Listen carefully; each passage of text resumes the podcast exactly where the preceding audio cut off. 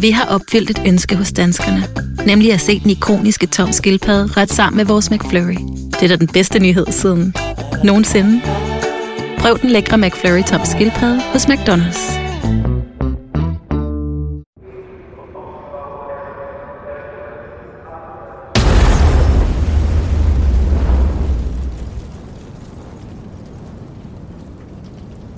I den store Østbanehal på Oslos hovedbanegård gav eksplosionen genlyd. Flere end 100 nordmænd var på vej hjem fra arbejde og passerede hovedbanegården ved 18-tiden den 2. juli 1982. Styrken fra bomben fik de store bagagebokse i metal til at krølle sig sammen, som var de lavet af pap. Trykbølgen blæste folk om kul. Efter nogle sekunders kaos rejste folk sig langsomt op, fortumlet og i chok. Mange havde pådraget sig snitsår fra flyvende glasskov og metalstumper. Nogle blødt for ørerne, fordi deres trummehinder var sprængt af trykket fra eksplosionen. Men en skikkelse blev liggende, næsten skjult af det krøllede metal, der engang udgjorde banegårdens bagagebokse. Det var den 19-årige Elin. Da samaritter og brandfolk kom til, kunne de konstatere, at Elin og hendes trofaste hund Natasha, der lå livløs ved siden af hende, var døde på stedet. Det stod klart, at der var blevet placeret en bombe i en af bagageboksene på hovedbanegården. Men eksplosionen var kommet helt uden varsel, og i de efterfølgende dage fulgte heller ingen forklaring for individer eller terrorgrupper, der påtog sig ansvaret.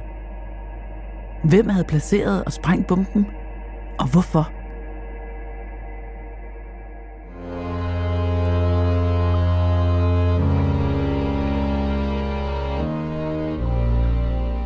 Du lytter til Mor i Nord. En podcastserie om nogle af de mest opsigtsvækkende drabsager fra Norden.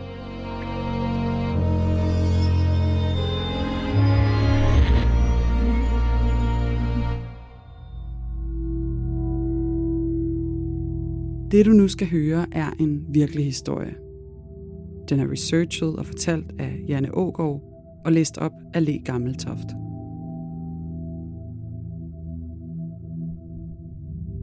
Det her er en genfortælling af sagens fakta, som de har været gengivet i andre medier. Nogle detaljer er udeladt, ligesom vi her afholder os fra at tage stilling. Det har retssystemet gjort. Men du skal være forberedt på, at det kan være voldsomt at lytte til. Ikke mindst fordi det handler om rigtige menneskers liv og død.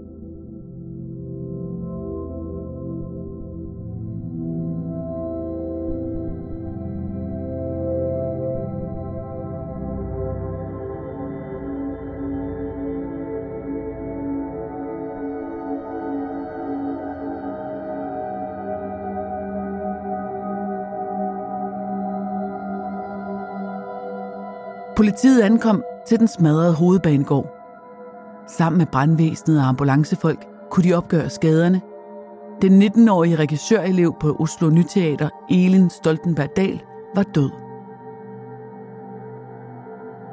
11 andre var såret, og en 67-årig mand havde pådraget sig livsfarlige kvæstelser og kæmpede stadig for sit liv. Hovedbanegården var nærmest uigenkendelig og krævede omfattende oprydning – Samtidig gik efterforskningen af bombesprængningen i gang øjeblikkeligt, og banegården blev afspærret for, at efterforskerne kunne gå i gang med de tekniske undersøgelser. Det skulle tage flere dage, inden det trafikale knudepunkt blev genåbnet. Da hovedbanegården åbnede igen, var det midlertidigt uden bokse, hvor passagererne kunne opbevare deres bagage.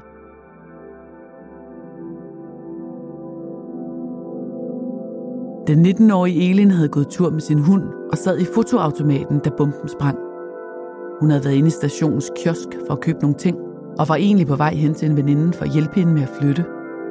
Der var umiddelbart ingen forklaring på, hvorfor hun havde besluttet sig for at bruge fotoautomaten.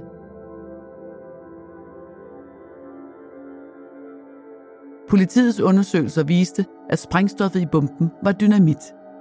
Som dagene gik, var der ingen terrorgrupper, der påtog sig ansvaret.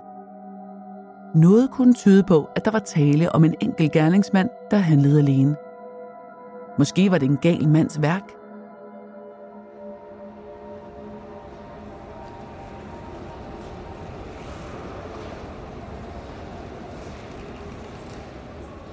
Oslos hovedbanegård, eller bare Centralstationen i Folkemunde, er Norges trafikale knudepunkt, der forbinder lyntog, regionaltog, metro og sporvogne.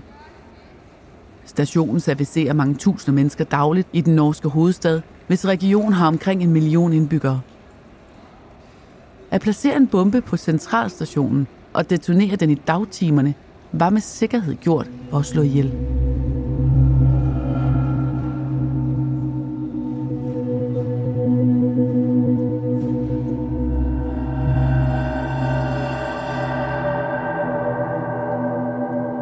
I begyndelsen eftersøgte kriminalpolitiet to unge mænd i 20-årsalderen, der var set løbe ud af hallen kl. 25 minutter over 6 om aftenen, altså kort tid inden eksplosionen. Men ingen meldte sig, og der kunne være masser af grunde til, at de to unge mænd løb. Måske havde de en bus, de skulle nå. Kriminalpolitiet opfordrede folk, der havde fotograferet på stationen, til at give billederne til politiet. Måske kunne de ved et tilfælde have fanget mistænkelige personer eller spor på billederne.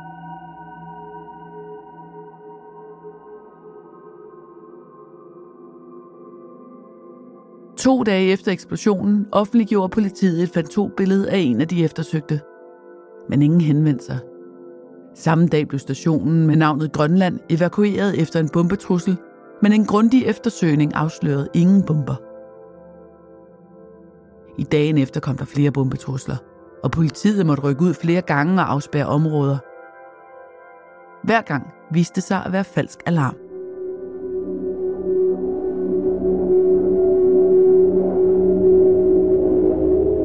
Som dagene gik, blev sporet mere og mere koldt. Men hvad offentligheden ikke vidste var, at der var fundet en dynamitladning i maj ved Trosterud station i bydelen Alna – Politiet satte fundet i forbindelse med en eksplosion på Sætter station to uger før eksplosionen på Oslos hovedbanegård. Her var en bombe sprunget ved sporvognen, men da den var forsinket, kom ingen til skade. Og måske var det derfor, at sagen ikke blev efterforsket som for eksempel drabsforsøg, men snarere drengestreger. I Danmark er dynamit ganske usædvanligt at bruge, men i det klipperige Norge er det hverdag på de fleste byggepladser, og altså betydeligt nemmere at få fingre i. Tekniske undersøgelser af bomben på hovedbanegården viste, at der ikke var brugt en lunde til at antænde bomben, men snarere en elektrisk tændsats, der kunne være tidsindstillet eller fjernstyret, måske ved hjælp af et radiosignal. I dag vil man typisk bruge en mobiltelefon til at detonere den slags anordninger, men det her fandt altså sted i 1982, før mobiltelefonernes udbredelse.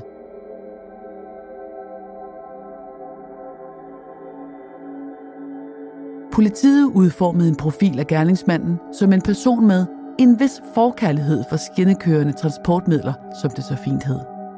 En psykiater ansat ved politiet ved navn Henrik Bauke mente, at attentatet ikke skyldtes politisk ideologi eller en terrorgruppering. Der var snarere tale om en person, der søgte opmærksomhed. Det skulle vise sig at være helt rigtigt set af Bauke.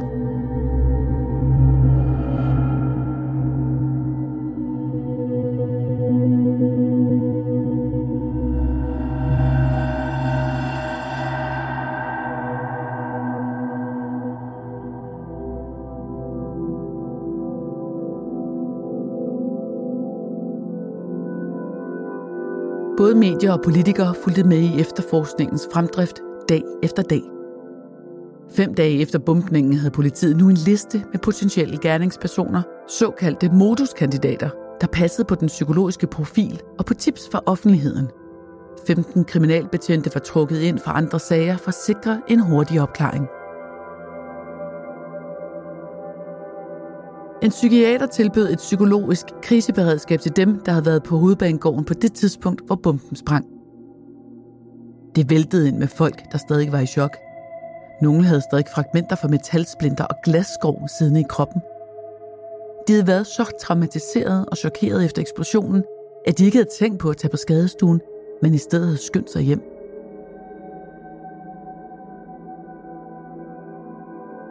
Den 67-årige mand, der var blevet hårdt såret, var på intensivafdelingen og i kritisk tilstand. Fire andre var blevet udskrevet i mellemtiden.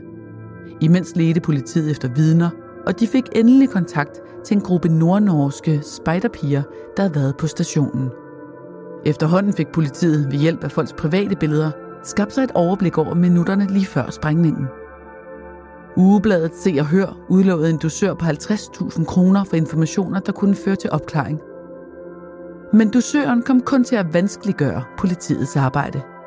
En dusør kan risikere at lokke folk til med vildledende røverhistorier.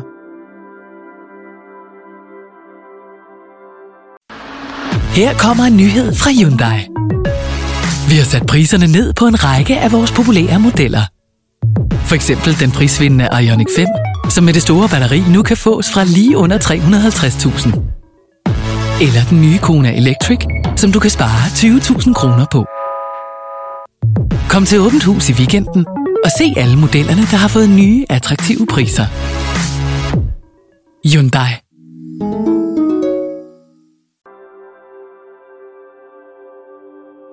Da Elin blev begravet en uge efter bomben sprang, var der tæt pakket i kirken i Østergravlund med familie, venner, kolleger og personale fra de norske statsbaner. Mange mødte opklædt i hvidt som symbol på fred, da Elin havde været dybt politisk engageret i et socialistisk ungdomsparti og i organisationen Fredsmarch 82. I det tilfælde, at gerningsmanden skulle dukke op, var der også udstationeret en lang række politifolk i civil, som holdt et vågent øje med begravelsesfølget. Men der blev ikke spottet mistænkelige personer.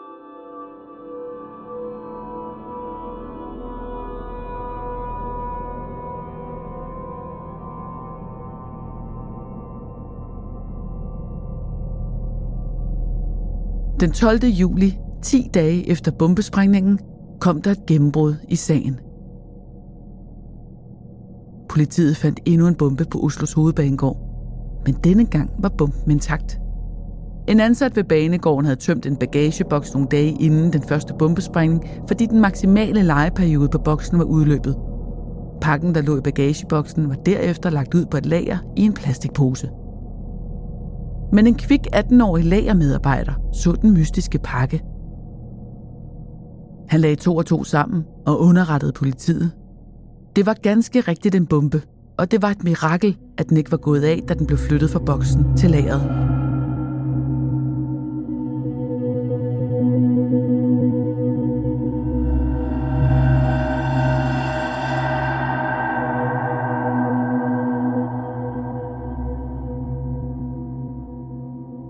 Den intakte bombe bestod af et galvaniseret rør med en udløser bestående af et dameur af mærket Uranus, koblet til 2 kilo dynamit. Nu havde efterforskerne en enestående mulighed for at se konstruktionen og dermed få information om gerningsmanden.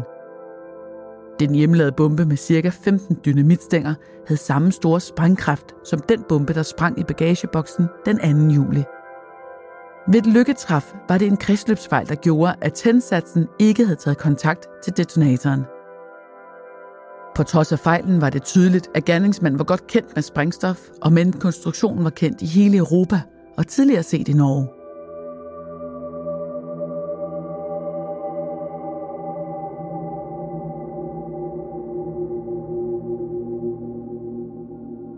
Endnu en bombe fundet gik både medier og dele af befolkningen i panik – Politiets efterforskning blev forsinket af de fortsatte falske bombealarmer og tomme trusler. For slet ikke at tale om folk, der ringede ind og anmeldte fremmede, som de synes opførte sig mistænkeligt omkring togstationer, eller som efterlod mistænkelige genstande. Men der viste sig at være fingeraftryk på den udetonerede bombe, formodentlig for gerningsmanden. Nu var der endelig et helt konkret spor at arbejde ud fra – Godt nok havde politiet kun fingeraftryk på tidligere dømte i papirform, så det tog en rum tid at tjekke fingeraftryksregistret. Politiet har længe ønsket sig computer til at gøre arbejdet for sig, men prisen dengang var på over 10 millioner kroner. Arbejdet med at sammenligne fingeraftryk var derfor stadig manuelt og kunne tage uger, hvis ikke måneder. Dameuret er mærket Uranus gav også politiet ledetråde. Godt nok var det et ret almindeligt ur, men der var udført en reparation på remmen. Desuden var der ikke graveret et medlemsnummer på indersiden af urskiven. Normalt vil et medlem af Norges Urmagerforbund nemlig sætte et stempel og en salgsdato på bagsiden af hensyn til garantien. Måske var uret blevet stjålet.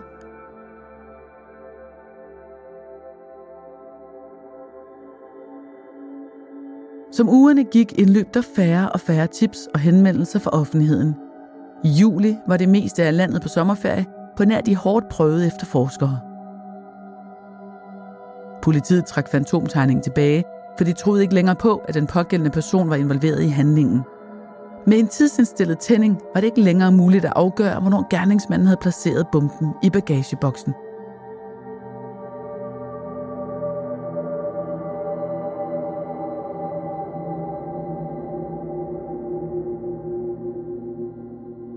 I august stod politiet frem med nye oplysninger i håb om at puste nyt liv i offentlighedens hukommelse og viden.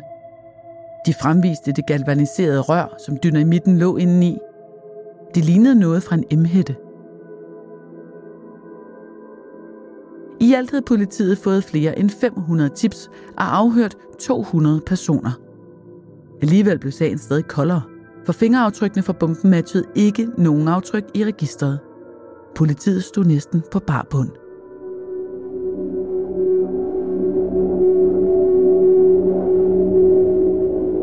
Den 7. oktober, tre måneder efter bombesprængningen, blev en 17-årig dreng taget i at stjæle dynamit fra en byggeplads ved Hotel Viking i Oslo. Han havde lagt en del af sprængstoffet i en bagageboks på centralstationen lige efter teoriet, og resten blev fundet i et besat hus i Borgade. Men den 17-årige var ikke bombemanden. Han tilstod tyveriet og forklarede, at han ville bruge det til at åbne et pengeskab.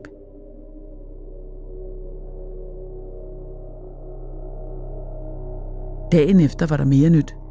En 18-årig gymnasieelev, lad os kalde ham for Christer, var blevet anholdt og sigtet i sagen. Den unge mand havde affyret et havlgevær og ramt et avisbud måneden inden. Bagefter var han stukket af med to kammerater i en bil. Et vågent vidne havde noteret nummerpladen, og politiet fandt frem til de unge i en hytte på øgruppen Valer tæt ved den svenske grænse. De unge blev afhørt om episoden. Det viste sig, at Christers fingeraftryk matchede på den udetonerede bombe. Han var ellers ustraffet, og hvis ikke han havde skudt mod avisbuddet, ville politiet næppe have mistænkt ham. Efter tre måneders varetægtsfængsling tilstod han endelig.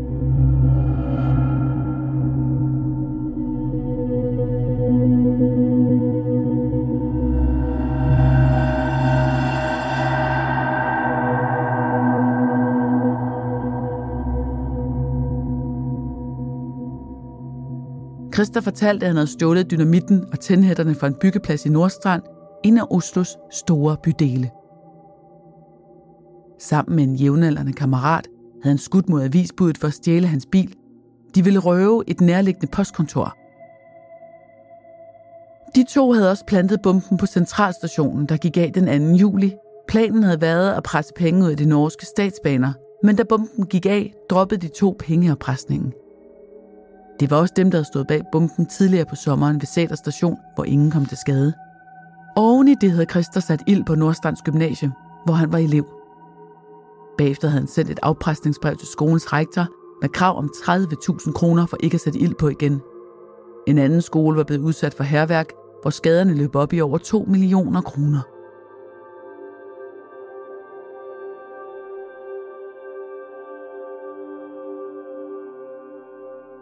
Christer endte med at tilstå over 30 kriminelle handlinger.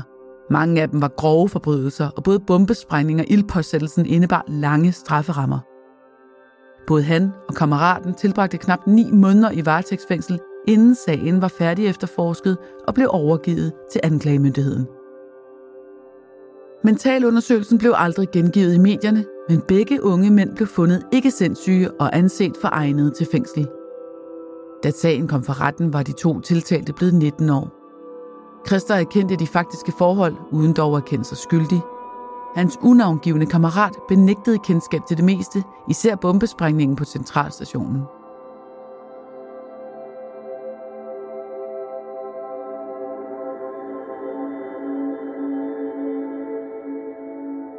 Dommen blev på 11 års fængsel og faldt knapt et år efter, at Elin Dahl blev dræbt i bombesprængningen på Oslos hovedbanegård.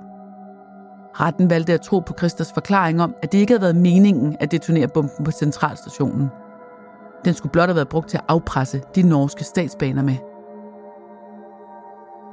Christers unge alder kom ham til gode i strafudmålingen, og kammeraten slap med nogle få måneder.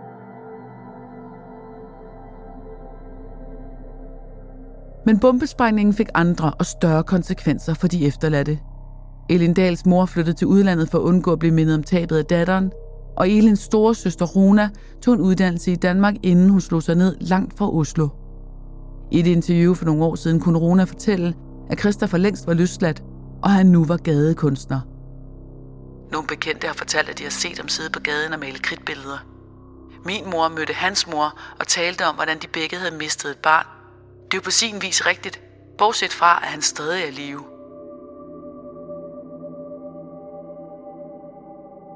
Elins kolleger samlede ind til et minde om hende, og pengene gik til oprettelse af et mindesmærke. En lokal kunstner udførte et smukt relief med fredstuer i forgyldt bronze, der den dag i dag hænger på Østbanehallen ved hovedindgangen. Bagageboksen er for længst fjernet og opsat i et lukket lokale, der i dag er overvåget af kameraer.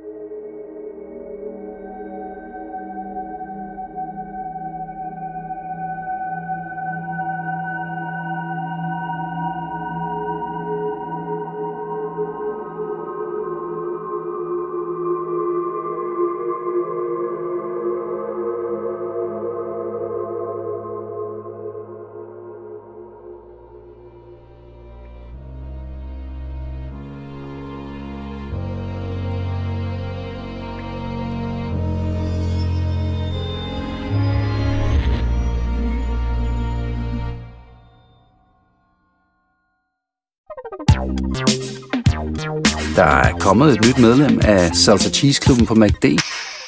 Vi kalder den Beef Salsa Cheese, men vi har hørt andre kalde den Total Optor.